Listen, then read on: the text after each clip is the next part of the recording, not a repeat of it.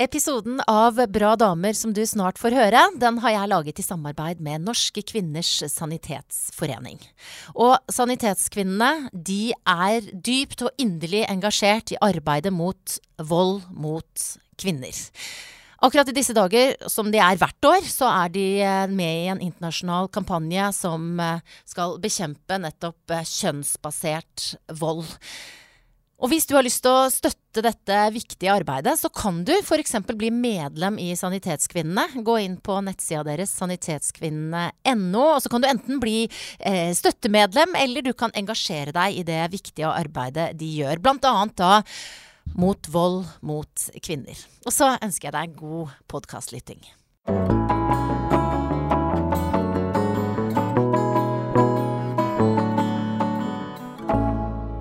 Dette er podkasten Bra damer. Guri Solberg heter jeg. Jeg sier det liksom hver gang, dere vet jo, men det er hyggelig å presentere seg. Eh, og jeg prater jo med disse kvinnene eh, som stort sett er kjempeflinke på noe, brenner for noe som er fascinerende og imponerende. Og så har de gjerne én ting som de er kjempegode på, så viser det seg at de har massevis av imponerende sider. Men altså, likevel så syns jeg at dagens gjest er litt sånn i særklasse. Fordi jeg inviterte henne på den ene siden fordi at jeg trengte noen som kunne si noe om vold, siden denne eh, episoden er laget i samarbeid med Sanitetskvinnene og skal handle om vold mot kvinner. Det kan hun masse om. Hun har forska på det. Men hun er også det jeg vil kalle, uten å overdrive, suksessforfatter. Hun er av den typen som det henger sånne svære plakater av når du går inn på bokhandelen. Jeg så det senest i dag tidlig. Eh, og har altså gitt ut en bok som er solgt til, og det her kjører jeg litt sånn eh, røff journalistisk stil, en haug med land. Eh, så hun er psykolog, forsker, forfatter. Helene Åkevåg Flod, velkommen hit. Takk for det. Du, altså Det var jo det er litt av en introduksjon å leve opp til. Kjenner, hvordan kjennes prestasjonspresset på skuldrene dine nå? Ja, Det veier ganske tungt, kjenner jeg. Dette ja. var, var, litt av en intro. Ja. ja. Og så spurte jeg deg rett før vi satte i gang sånn hvordan bruker du For du, altså som forfatter og boka 'Terapeuten', på coveret der så står det Helene Flod. Ja. Og når jeg har uh, lest om forskninga di, mm, om vold, mm. så står det Helene Åkvåg. Ja, uh, ja, jeg gjorde et lite grep her da, da jeg skulle bli forfatter. Så, så, delte jeg meg, liksom. Så nå er jeg to personer. Jeg er uh, akademikeren Åkvåg og forfatteren Flod. Uh, og så heter jeg egentlig Flo Åkvåg. Ja. Oh, ja, så jeg tok det i feil uh, rekkefølge nå? Det var litt ny vri, men, ja, ja, uh, men jeg skal vurdere det. Ja. Ment som et innspill, ikke som en feil. Men hvem er du mest nå om dagen? Hvilke av disse etternavnene er det som preger livet ditt? du er ganske, ganske, delt på det, syns jeg. Jeg jobber jo ganske mye som forsker fortsatt. jeg har gått ned i 80% stilling, men forskningsstillinger er jo ofte litt over 100 i utgangspunktet. Eh, og så gjør jeg mye flodgreier på, på kveldstid, da, særlig. Så, så jeg, jeg er begge deler.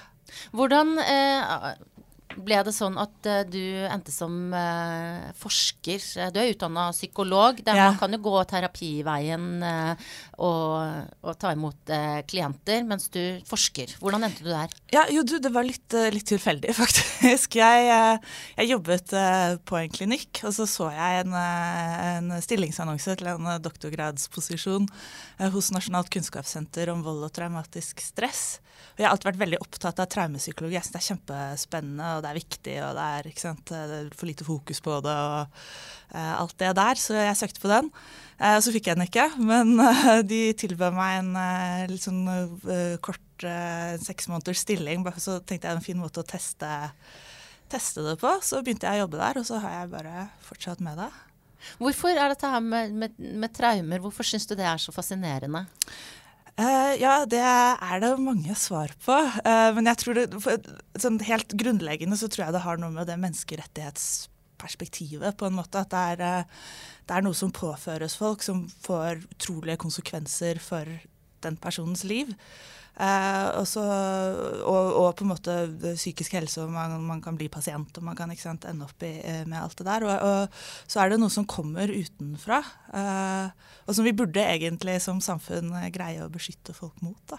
Mm. Og særlig da eh, kvinner viser jo bl.a. din forskning at det er da særlig kvinner som utsettes for vold i nære relasjoner, partnervold. Det har mange navn, jeg vet ikke helt hva som er faglig riktig å si, men altså hvorfor er det sånn? Uh, ja, ja, så det er, eh, er, jo riktig at volden er veldig kjønnet. Det finnes veldig sånn klare kjønnsmønstre på hvem som utsettes for hva. Og menn er overrepresentert når det gjelder sånn alvorlig fysisk vold utenfor familien. Ja. Uh, det, det, det, det, opplever menn mye mer av enn kvinner, mens kvinner opplever mye mer av den seksuelle volden. Og uh, mye mer av den alvorlige partnervolden. Mens hvis man ser på den mindre alvorlige, så er det litt mer sånn 50-50 mellom kjønnene. Mm. Uh, ja, og hvorfor, uh, hvorfor, er det sånn? Det er jo vanskelig å vite. Da. Det er jo 1000 kroners spørsmål da. Mm. men det har nok litt å gjøre med hvem man har makt over, på en måte. Hvem man har fysisk makt over, særlig. og vi ser at Når det gjelder vold mot barn, for eksempel, så er foreldrene mye mer Eller det er en mye jevnere kjønnsbalanse i hvem som utøver den. Det gjør mødre ganske mye også. Det å være forsker og komme tett på disse problemstillingene som dessverre mange opplever. Eh, mm. Hvordan er det å gå så dypt inn i en tematikk, selv om du sikkert sitter med tall og sant, på en måte kan distansere deg litt fra det? Uh, ja, ja, det er jo litt ikke sant? Før, uh, før, jeg begynte med dette, så jobbet jeg jo klinisk, og da sitter du overfor folk, og du får uh, historien deres inn på en helt annen måte. Nå sitter jeg mye mer med datafiler og, og, og sånne ting. Men, og en del av tiden så forholder man seg til det litt. Det er jo en jobb og ikke sant, litt sånn. Men, men jeg Hvis jeg skal være helt ærlig, så tenker jeg nok at litt sånn på, Når man har jobbet med det i mange år, og sånt, at jeg innimellom kan kjenne litt sånn ah, det er tungt. Jeg har ikke så veldig lyst til å se sånne tunge, depressive TV-serier når jeg kommer hjem fra jobb. Liksom. Jeg er. Det, ja. Du, og det er jo interessant, for det er jo veldig mange jeg skal ikke ta lang digresjon, men det er jo veldig mange TV-serier som har dette med vold og overgrep. Mm. Jeg liksom Handmaid's Tale. Jeg har liksom ja. masse friskt i minne. Som du da Holder du deg unna alt det sånn helt? Så jeg har ikke sett Handmaid's Tale. Det er jo nesten pinlig å si, siden mm. jeg også jobber med den tematikken. Men jeg, jeg ja, får litt den følelsen når jeg kommer hjem og skal se på TV, at jeg bare Seinfeld på reprise. Liksom, det er helt uh, topp. Ja, men du vet at Det skjønner jeg godt. For det, altså, jeg jobber jo ikke med voldsforskning. Og jeg, selv jeg må liksom tenke meg om før jeg orker å sette meg ned og se den siste episoden. For det er tungt og vondt. Ikke sant? Men du forholder deg jo til det som er tungt og vondt i, uh, i virkeligheten. Uh, og det er jo også sånn at ja, Det er mange ting som spiller inn her. Alkohol er en av de. Mm. Um, hvilken rolle spiller den i den, den volden som du har sett på? Uh, ja, så vi har, har, sett litt på alkohol uh, og hvilken rolle den spiller i seksuelle overgrep. Uh, sett på um, seksuelle overgrep som har foregått i løpet av et år, og sett hvor, hvor, i hvor stor del spilte rus en rolle. Og rus er til stede i ganske mange, litt over halvparten. hos den som er utsatt, og omtrent det samme hos eh, utøver. Da. Nå er jo det rapportert av den som er utsatt, men, eh, men de har ofte inntrykk av at overgriper også har, eh, har drukket. Uh, og så er det jo ikke sikkert at det betyr at det er alkoholens skyld. ikke sant? Det kan jo være at, at overgrep ofte foregår i samme setting som man også drikker alkohol, uten at det ene nødvendigvis henger på det andre. Mm. Men uh, vi vet jo at uh, alkohol også kan gjøre en, en litt sårbar, både for å, å, bli utsatt for overgrep, men også uh, for å begå overgrep. Så um, det er vel grunn til å tro at, at alkoholen spiller en rolle der. Mm. Så er det litt vanskelig å snakke om, for at skrittet etter er å bli litt sånn victim blaming og si ja. ikke sant, at så derfor så burde, burde man ikke drikke. og Uh, det har jeg ikke lyst til. Jeg mener sånn personlig at det er, eh, er en fallitterklæring hvis vi anbefaler jenter å ikke drikke. Ja, for det er jo ikke sant. Det er jo folk uh, som jeg har hørt fortelle om at de uh, har anmeldt overgrep, og så får de spørsmål da, ikke sant. Hva hadde du på deg, eller hvor mye hadde du drukket, ja. og sånne ting. Uh, er dette noe Altså ikke som du sier, dette er vanskelig å snakke om. Mm. Er, må du liksom Ja, når du intervjues da, som, som forskeren og sånn, hvor mye må du veie ordene dine for, for å ikke gå i den retningen der?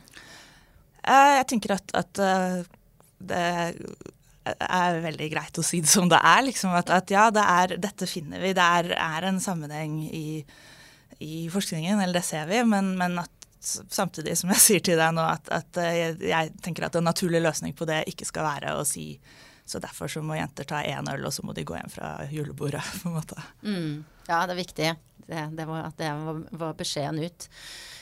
Men, men, det er jo ikke sant? Er jo, Nå er vi inne i en sånn eh, periode hvor det snakkes mye om dette. Det er en sånn internasjonal kampanje eh, altså mot vold mot kvinner. Og da, da, snakkes det mye om folk deler sine historier, og det er kjempetøft og kjempeviktig. Mm. Men så faller det kanskje litt på dagsorden igjen. Du som mm. har fulgt denne tematikken, eh, opplever du at det er en økt åpenhet rundt dette temaet?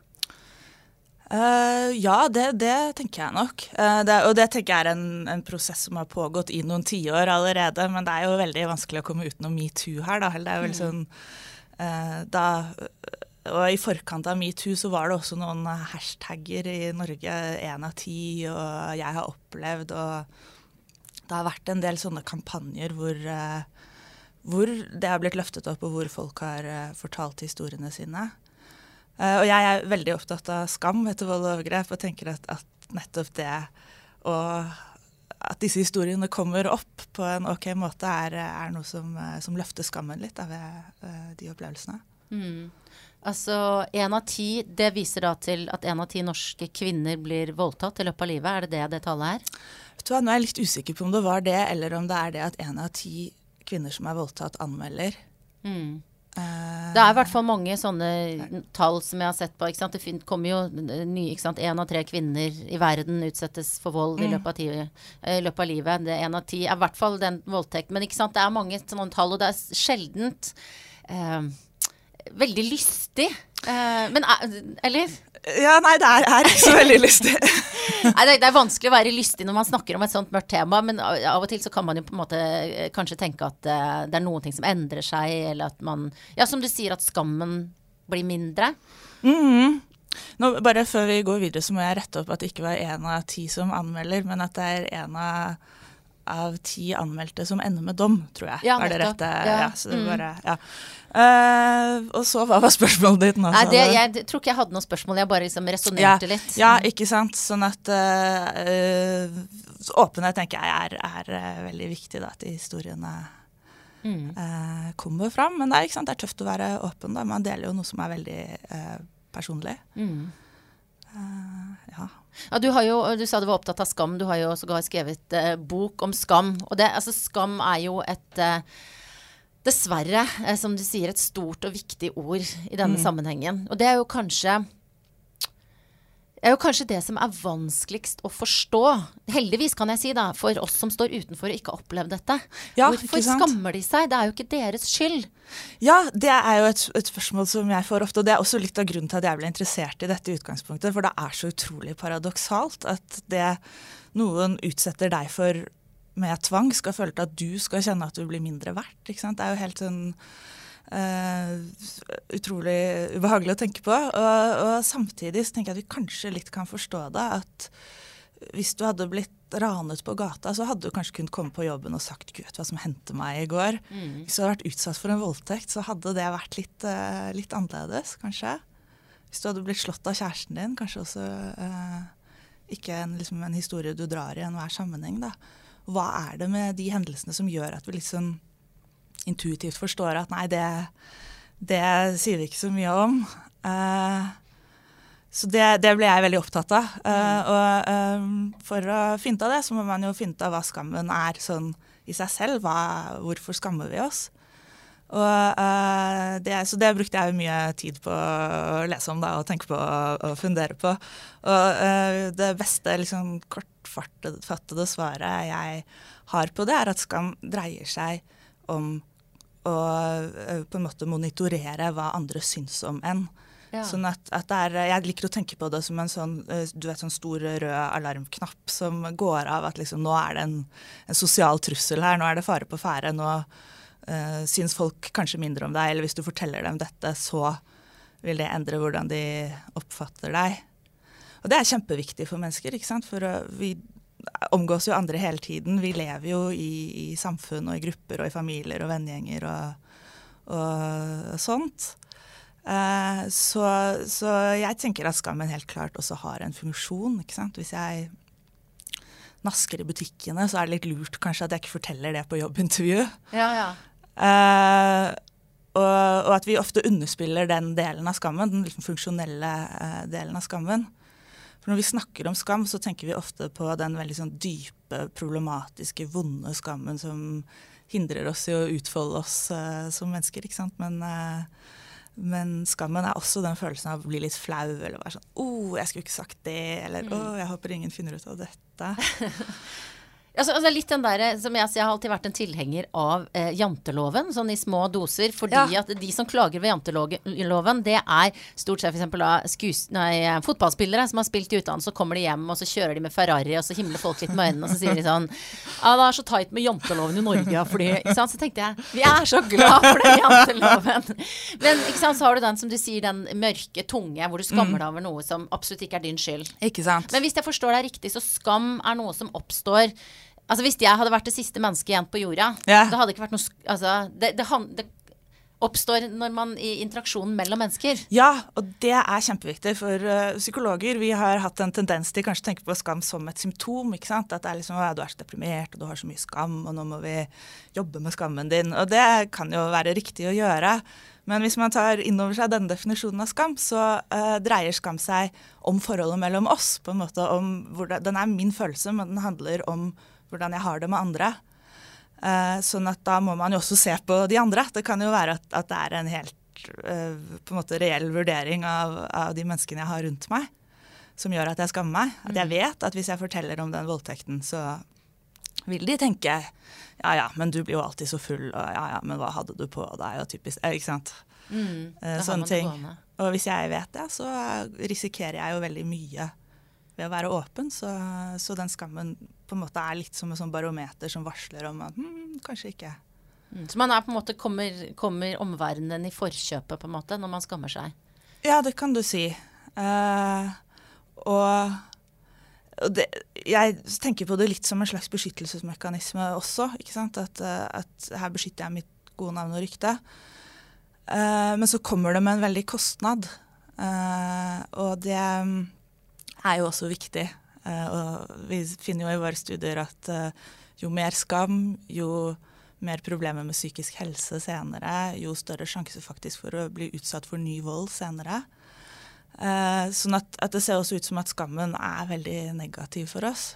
Men hvordan, hvordan, henger det sammen, at sjansen er større for å bli utsatt? For man skulle jo tro Jeg skal ikke gå dit igjen, eller jeg vil ikke oppleve dit, det igjen. Hvorfor ja, det, det skulle man, skulle man, tro, men det er altså sånn at hvis du er utsatt for vold i barndommen, så går du inn i voksen alder med noe i ryggsekken som gjør at du har større sjanse for å bli utsatt for vold i voksen alder.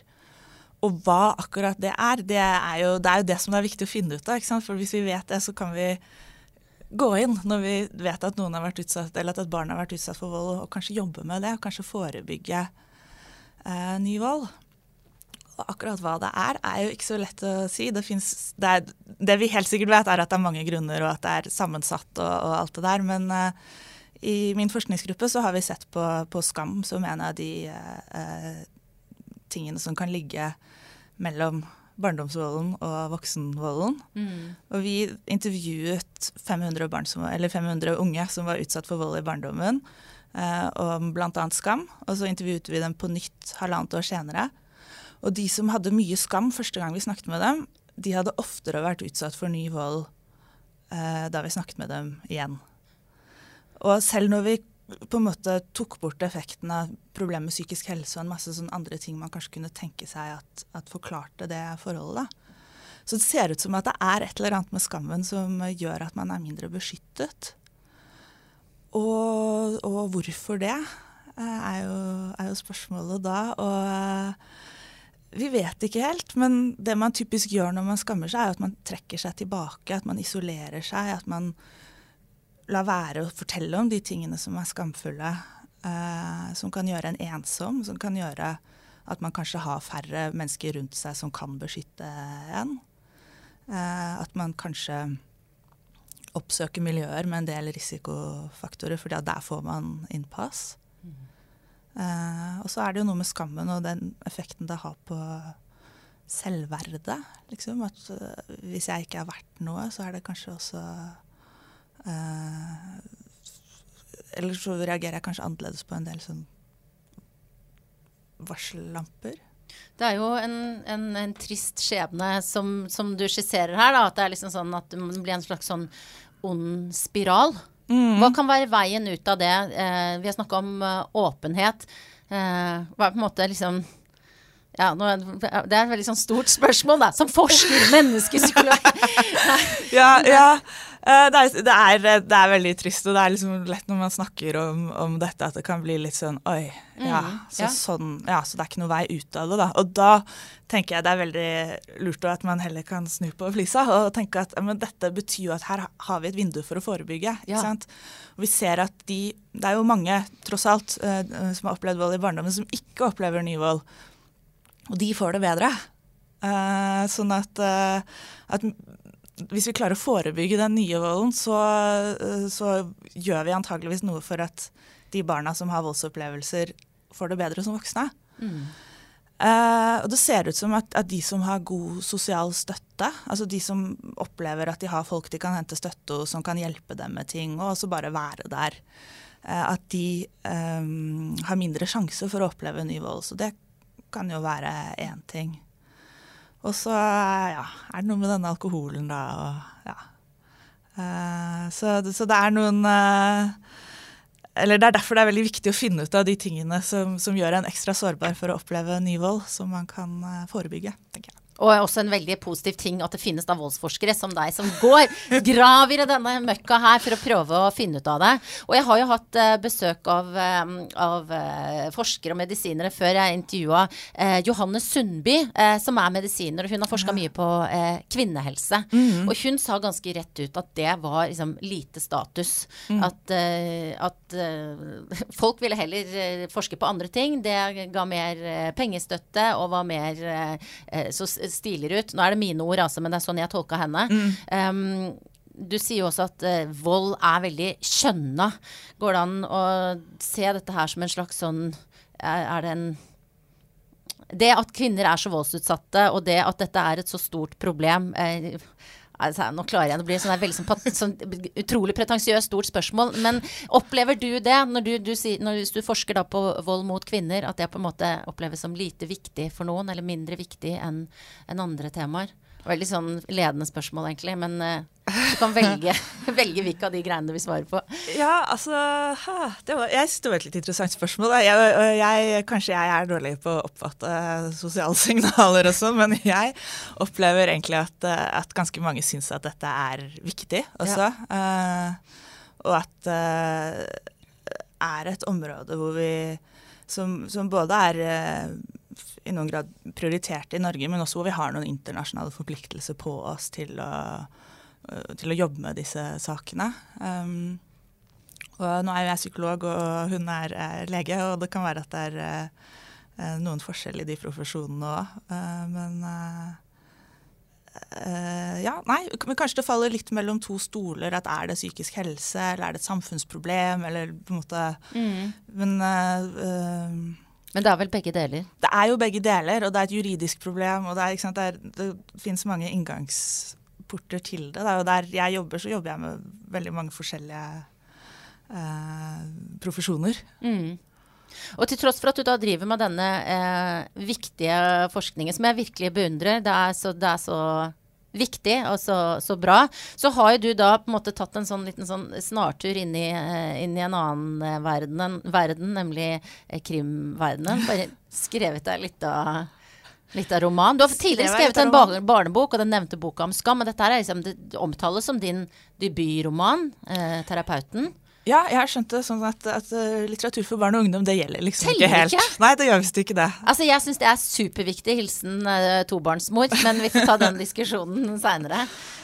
Ja, ja, jeg er helt enig. Er, jeg tenker de bøkene jeg leste da jeg var tenåring, er jo de som virkelig har uh, formet meg. Ja, Hva leste du da du var tenåring, forresten?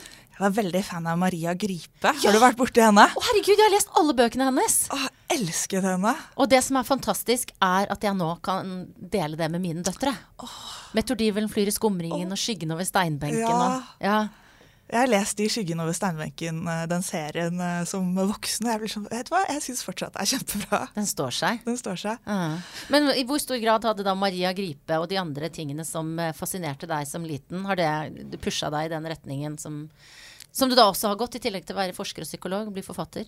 Uh, altså Jeg har alltid skrevet. Jeg har skrevet siden uh, pappa fikk en sånn uh, gammel Mac som du vet så ut som en sånn kube. Ja. Jeg satt jeg nede i kjelleren og, og skrev, skrev historier. Men ja, nei, så, har det, så det er alltid liksom Det er alltid en, eller er en ting jeg har gjort hele livet, og kanskje ikke alltid tenkt at jeg skal dele med noen. eller noe sånt, og så så fikk jeg denne ideen da, til terapeuten. Og, så, og da mm, var jeg i mammapermisjon, eh, så jeg hadde ikke sånn vanvittig mye tid mellom hendene. Men jeg hadde litt liksom, intellektuell kapasitet, på en måte.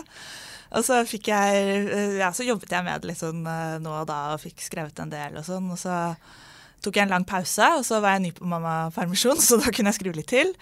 Og så mm, tenkte jeg sånn, ja, nå har jeg dette manuset. Liksom, jeg, jeg det kanskje det begynner å bli litt bra, og liksom, kanskje jeg skulle bare sende det til et forlag og bare se.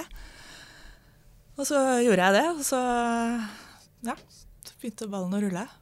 Du vet at det er litt irriterende òg? For oss som ikke skrev en bok i, i mammapermen. Ja, jeg er litt redd for å høres ut som en sånn person som bare liksom, mellom yogatimen og trilleturen, liksom, så bare satte jeg meg ned og skrev en, en bok. Og, eh, og det er jo ikke sånn, ikke. Det er jo noe som, man, som jeg bare kunne gjøre fordi jeg syntes det var kjempegøy, og fordi at jeg skrev på toget, og jeg skrev på flyplassen på vei på jobb. Liksom alle sånne små øyeblikk jeg fikk til å gjøre det. Men jeg syns det er fantastisk også. Jeg syns også at, eh, at sånn mammastrenghet er noe av det verste som fins her i livet. Så jeg, eh, istedenfor å si at jeg syns det er irriterende, så jeg sier at jeg beundrer deg. Og jeg syns det er eh, utrolig stilig at du, du fikk det til. Og jeg er også veldig imponert over boka, eh, fordi Og jeg, har altså, jeg er veldig glad i å lese, og også glad i å lese krim. Og denne boka 'Terapeuten', det er akkurat som Ja ja, det skjer masse spennende og sånn, men det er på en måte det som er mest meddrivende, er en eller annen sånn puls av en følelse som ligger gjennom hele boka. Altså en sånn murrende følelse som jeg kan kjenne på kroppen når jeg leser. Ja, det er veldig hyggelig å høre, da. For det er jo litt av det som ligger i den sånn psykologisk thriller-sjangeren. At det, skal, at det, er, um, det er ikke så mye biljakter og, narkodeals og sånne ting. Det er, uh, det er en sånn indre liksom Det som er skummelt, er denne trusselen som, uh, som på en måte som ligger der. Og litt den sånn indre kan man, kan man stole på sin egen hukommelse? Kan man stole på det man ser? Hva, hvordan kan man egentlig forstå det som skjer rundt en? Men øh, kunne du ha skrevet denne boka hvis du ikke hadde den faglige bakgrunnen som du har? ja, kunne jeg det? Eh, den handler jo om en psykolog, eh, og det, det er klart at der har det jo vært fint for meg at jeg også kjenner faget, at jeg vet litt om det å ha terapi. Eh, så det Ja, man må jo skrive om det man, det man kjenner, eh, eller da blir det i hvert fall mer sånn realistisk. Så det, det har nok litt med den fagbakgrunnen å gjøre. så er jeg også veldig sånn opptatt av faget mitt på den måten. Jeg er interessert i den sånn, i hukommelse, f.eks., og, og forskjellen mellom det man Når man husker ting, så tror man jo at man husker det helt sånn, sånn som det var, og så er jo hukommelse en form for rekonstruksjon. altså Man legger jo til noe, man trekker noen tråder. At 'Å ja, sånn må det ha hengt sammen'. og, og ehm, ja, Nå føler jeg nesten endret uh, mening midt i svaret mitt her. Men uh, jeg kunne nok ha skrevet en psykologisk thriller uten å være psykolog, men, uh, men kanskje ikke akkurat denne, nei. Fordi at du er, har den grunnleggende fascinasjonen for det som foregår in, inni oss, på et vis? Ja, jeg er, er veldig fascinert av det. Og jeg har jo også lært en del om det i faget mitt, og om en del sånn tankefeil, på en måte, eller hvordan man trekker, noen, har, trekker slutninger om noe basert på liksom tynt grunnlag og tror veldig på det etterpå, sånn, ja, som, mm. som, jeg syns er spennende. Men det at, det at, det har gått så um, Nå skal jeg ikke si sjukt bra, for at, vet du hva, jeg, mammaen min er psykolog, og når jeg, spesielt når jeg sier så sinnssykt bra, Ja. da kommer hun med en sånn irettesettende finger. Så, men det har jo gått veldig bra eh, med boka di, ikke bare her til lands. Men jeg, jeg sa en hel haug med land i stad. Den er solgt eh, til utlandet. Det Ja, 26 språk er den solgt til nå. Men hvordan funker det når man skal selge Jeg kan ikke så mye om forlagsbransjen.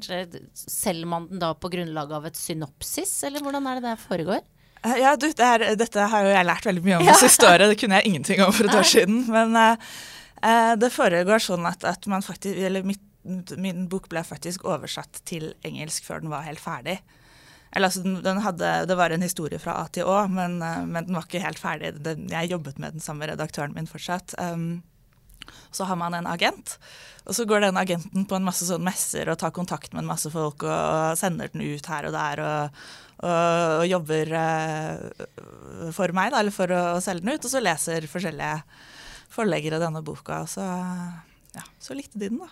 Så, så nå kommer den til å bli gitt ut da på eh, Altså det er jo helt utrolig. Eh, Blir det sånn at du skal ut og turnere og sånn på bokmesser og um, rundt omkring? Ja, litt, tror jeg. Dette vet jeg jo ikke helt ennå, for den har jo ikke kommet eh, på, på noen andre språk. Den, den kommer i 2020. Men jeg skal i hvert fall til Spania en tur og promotere bok. Og så Veldig ler du litt. Det liksom, hvor- hvordan trives du i den? For jeg regner med at selv om du er liksom anerkjent på, på fagfeltet ditt og sånn, så tenker jeg jeg tipper at du får mer oppmerksomhet nå som forfatter enn du har gjort i din tid som eh, psykolog og forsker. Ja, det kan man si. Hvordan opplever du det? Jo, det er jo veldig, veldig gøy. Og så er det litt sånn surrealistisk. Og når vi snakker om dette med um, alle disse språkene og sånn, så er det Jeg har jo vent meg litt til tanken. Det er jo uh, Dette begynte jo i mars, liksom. Sånn at, at jeg, men, men jeg har jo jeg, Det er nesten liksom vanskelig å tro på fortsatt allikevel. Og så, så eh, kommer det jo med en sånn stor suksess, enorme forventninger og liksom når, Du har vel sikkert også gjort noen avtaler med videre bøker og sånne ting. Nå bare trykker jeg det forventningspresset opp i de smilende fjes. Ja, du, Um, jeg er, er klar over det fra før av. Eller jeg kjenner, kjenner jo litt på det. Um, men ja, så det som har vært viktig for meg uh, på vei inn i en ny skriveprosess, det er jo å, å, å liksom ta bort eller lage en, en plass og et rom til meg selv hvor jeg kan få lov til å skrive dårlig, og til å teste ting og til å eksperimentere. Og kanskje det ikke funker, men jeg prøver allikevel, og, og ikke liksom tenke at syns forleggeren min i England at denne setningen var bra nok, på en måte. Og, og holde det litt sånn utenfor eh, skrivingen. Hvordan klarer du det? Eh, noen dager går det bra, og noen dager eh, er det litt vanskeligere. Men eh, det er jo skrivingen som er jobben, tenker jeg. Det er jo det som er, og alt det som skjer rundt er veldig morsomt og, og gøy og, og litt sirkus. Men, eh, men det er det å sitte og skrive som er, eh, som er jobben.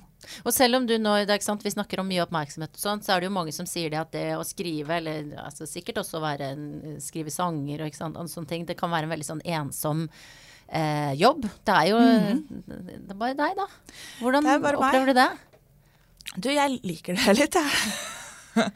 Eh, og jeg har jo nå en redaktør som jeg kan koble på, og sånn, men jeg har også tenkt at, at kanskje jeg skal komme ganske langt før jeg kobler på henne. Og liksom få lov å sitte og teste ut disse tingene og trekke det tilbake og prøve noe nytt. Og liksom eh, holde på litt sånn og, og, og styre det selv frem til eh, eh, jeg kjenner at nei, nå er jeg klar for å, å gi det fra meg. Det er, liksom, det er jo noe litt uh, introvert kanskje med, med den skriveprosessen. Å bare sitte der og holde på i sitt eget hode. Men uh, det er litt deilig òg. Det høres veldig deilig ut. Ja. Men da, det er jo en deilig verden å være i så lenge man er, har en slags selvtillit på det, da. Ja, og den går jo opp og ned, da. Uh, og det er jo um, ikke så uvanlig med skrivesperre. Jeg har jo også mange ganger opplevd denne følelsen at du, du trodde dette skulle bli så bra i hodet, så hørtes det så fint ut, og så bare faller det helt flatt på papiret, og du får ikke til, og, og alt det der. Og, og andre ganger bare glir det kjempebra, og, og det, du føler at du er i skikkelig flow og alt sånn, og så, og så kanskje leser du det etterpå, så var det ikke så bra likevel. Men uh, det er jo litt sånn det er, da. Det, um, her tror jeg det er litt greit å ha i hvert fall litt erfaring fra før av. Jeg husker jeg hadde en periode da jeg var 19 og jeg tenkte sånn, jeg kommer, nå har jeg mistet den evnen. Liksom. Nå kommer jeg ikke til å skrive noe mer. Jeg kommer aldri til å klare det igjen. Uh, men nå vet jeg at det går, går litt opp og ned. Så den, den, indre stemmen som sabler deg ned, som vi alle kjenner til i større eller mindre grad, hvordan, hvordan, dealer du med den? For den kommer vel nå også, selv om du er, ikke er 19 år lenger? Klart den gjør. Og når du, vet du, akkurat når du sa det på den måten, så tenkte jeg er det skammen, skulle tro, som ja, snakker det, ja, da? Er det er jo kanskje det. Der, du er ikke bra nok, dette mm. får du ikke til, dette blir bare kjempedårlig. Nå kommer alle til å se at du egentlig ikke kan det, og at du bare er uh, fake og, og sånn. Uh, og hvis man skal deale med skammen, så bør man jo liksom bare møte den ansikt til ansikt da, og tenke sånn Ja, der kom den. Det var ikke så uventet. Nei, ja, nettopp. Ja. Eller, og det er lett å si og ikke så lett å gjøre, men liksom uh, uh, tenke på det som en en litt sånn forventet gammel bekjent som dukker opp fra tid til annen. Ja, og dette er veldig, det er veldig sånn gjenkjennelig psykologprat, syns jeg. Sånn, der kommer du, ja. ja. Ja, jeg skal ikke gi deg så mye oppmerksomhet, men jeg ser at du er der. Ja, ja. Og så fortsetter jeg Sånn eh, råd man kan få i sikkert forskjellige situasjoner. Ja, det er nok litt psykologprat. Ja, men, Nei, men, og det, og det ikke jo. nedsettende. Psykologprat skal man lytte til. Så det, det, er bare et fint bilde å ha som man kan ta med seg, om det da er skam eller angst eller hvilke problemer man har. At man, det er disse her, nerver bare som kommer. Jeg pleier ofte, hvis jeg skal gjøre en uh, stor programlederjobb og konferansierjobb, mm. da vet jeg jo at det kommer til å komme en sånn der kule i magen av nerver. Og da er det bare Hallo, nerver! Eller ja. Jeg får ikke sove, nei. Men sånn er det jo. Dette visste jeg. Så det er jo en sånn mindre alvorlig utgave av å skulle på en måte deale med sine indre demoner, da. For det er ja, jo men det er jo akkurat det. Og hvis du da begynner å tenke å nei, den, den, kulen i magen, den betyr jo at jeg ikke er flink nok, eller at nå, hvis jeg kjenner det, så kommer jeg i hvert fall ikke til å gjøre en god jobb. Sånn, da, da blir det vanskelig. Mm. Så det høres ut som du takler det fint, da. ja, ja, ja. Bra. Klapp på skulderen til meg. Når psykologen syns at selvprat høres bra ut, det er et godt tegn. Du, um, nå har vi jo på en måte Man blir jo liksom kjent med deg uh, bare ved å prate med deg, men jeg, jeg, tenker jo du er en person som man liksom ikke vet så veldig mye om ennå. Jeg vet jo da, ikke sant, du har skrevet uh, i to mammapermisjoner, så da vet jeg at du har to barn. Og så etter å ha lest boka di, jeg skal ikke spoile, så ser jeg jo for meg at du bor i et hus på Nordberg som du har arva etter uh, beste bestefaren til kjæresten din eller sånn. Dette her er da fra boka. Det er helt det, feil. Det er helt feil, antageligvis. Men hvordan er uh, livet ditt utenom disse to uh, karrierene som vi nå har prata masse om? Ja, De tar jo en del, en del tid, da. Og så Det jo, viser seg også at det er en del sånn annet som følger med det å lansere en bok. Ikke bare det å sitte og skrive for seg selv og sånn, men det er ganske mye sånn reise rundt og snakke om den og, mm. og uh, sånne ting. og så har jeg to små barn. Så uh, når det er ferdig, så er det ikke så veldig mye tid til sånn, å dyrke interesser og drive med kampsport eller uh, fekting eller hva vet jeg. Uh, så, så, det er jo mye, mye det jeg gjør. Men, mm. men ja, nei, jeg bor i en liten leilighet og ikke noe stor enebolig på Nordberg. Det er veldig morsomt fordi at igjen, ingen spoilers her, men boka di 'Terapeuten', der er det da en psykolog som har eh, tar imot eh, pasienter hjemme. Jeg tenkte å gi den boka når jeg er ferdig med å lese den, tenk å gi den til mammaen min, som er psykolog, ja. som tar imot pasienter hjemme. Det er nesten litt dårlig gjort, da. Eh, eh, les boka, så skjønner du hvorfor. Men du, en annen måte å bli kjent med deg på er Jeg spurte jo før du kom om du kunne ta med deg en dings eller et eller annet som kan si noe om hvem du er. Ja, det gjorde jeg. Da må ja. jeg nesten gå bort til vesken min ja, og hente den. Ja, det skal du få lov til. Er, folk har jo tatt med seg de rareste ting. Altså Chipspose og kamera og ulltrøye. Du har med en ja, liten ja, mappe. Ja, det ligger noe oppi denne mappen. Ja. ja. nei, det var jo det var et veldig morsomt spørsmål. Da. Så ble jeg litt sånn Oi, hva, hva, kan det være? Og nå blir det litt personlig her. Men uh, dette som jeg har med, er en liten boks. Skal se, jeg skal pakke den ut. Ja, den er, er verdifull, skjønner du. Uh, og inni denne boksen så er det et par med bitte små gulløreringer. Det var nydelige. Ja, de er dessverre litt for små til meg, for oh, ja. hullet i øret mitt er litt for, for høyt oppe for dem. Oh, ja. Men de har jeg arvet fra min farmor. Og hun døde da jeg var syv år gammel. Uh, og så etterlot hun seg disse, eller disse ville hun gi til meg, og hun skrev et lite brev. Og så fikk ikke jeg det før mange år senere. Da jeg var 15, så fikk jeg det av foreldrene mine. Og da var det en sånn um, De kom inn og sa vi har noe til deg. Og så skjønte jeg med en gang det er noe fra farmor. Nei, gjorde du det? Ja, og det er, sånn, det er en sånn ting som jeg, Hvis jeg sant, hadde lest om dette i en bok, så hadde jeg nesten ikke trodd på det. Mm. Men med en gang så tenkte jeg at dette er, uh, dette er noe, noe, fra farmor. og det brevet er ikke veldig sentimentalt eller noe sånt. Det er bare sånn Kjære Helene, disse vil jeg at du skal ha, og at du kan bruke dem. Og, og det handler på en måte bare om, om dem. Men det, bare, det betydde veldig mye for meg.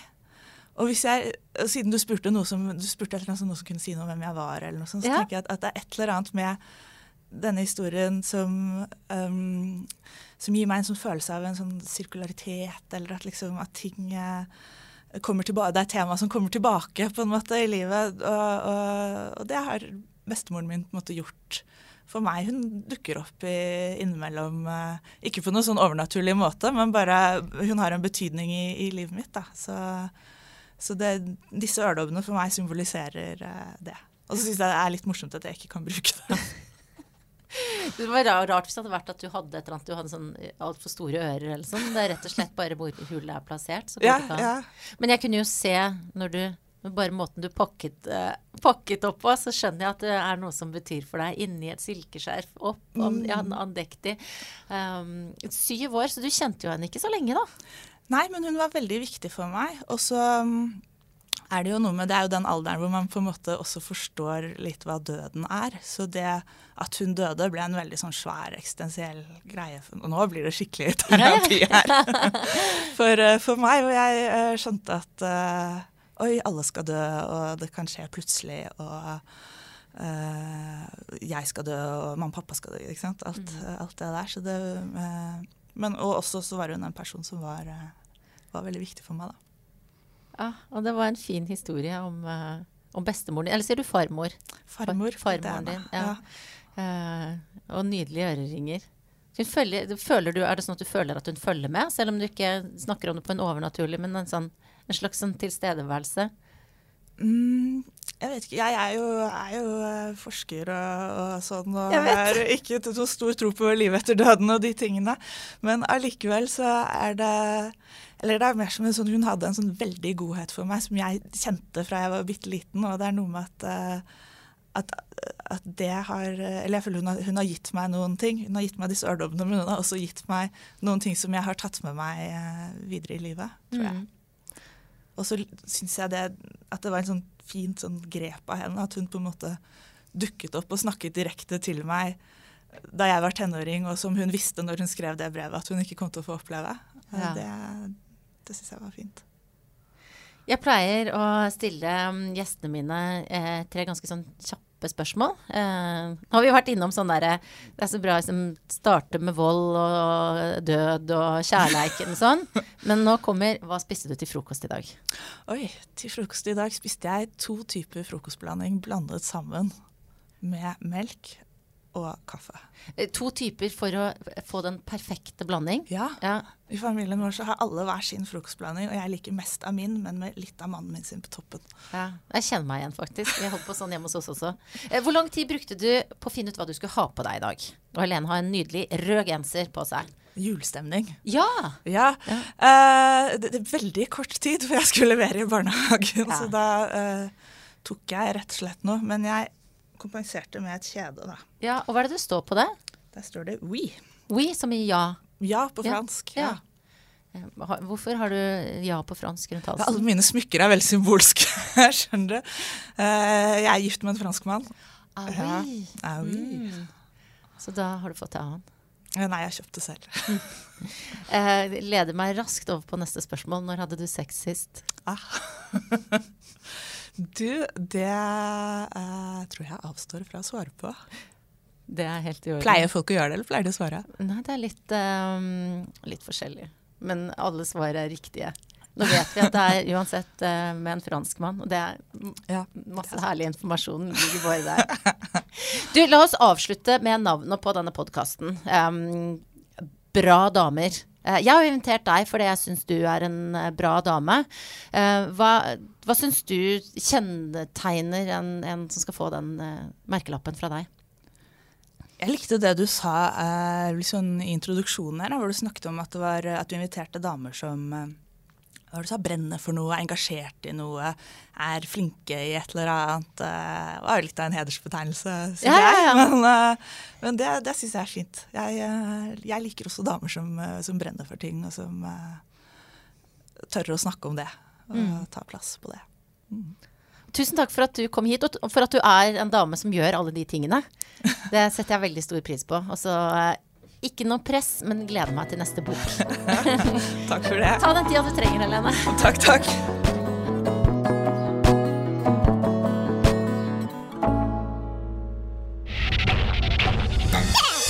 Monster.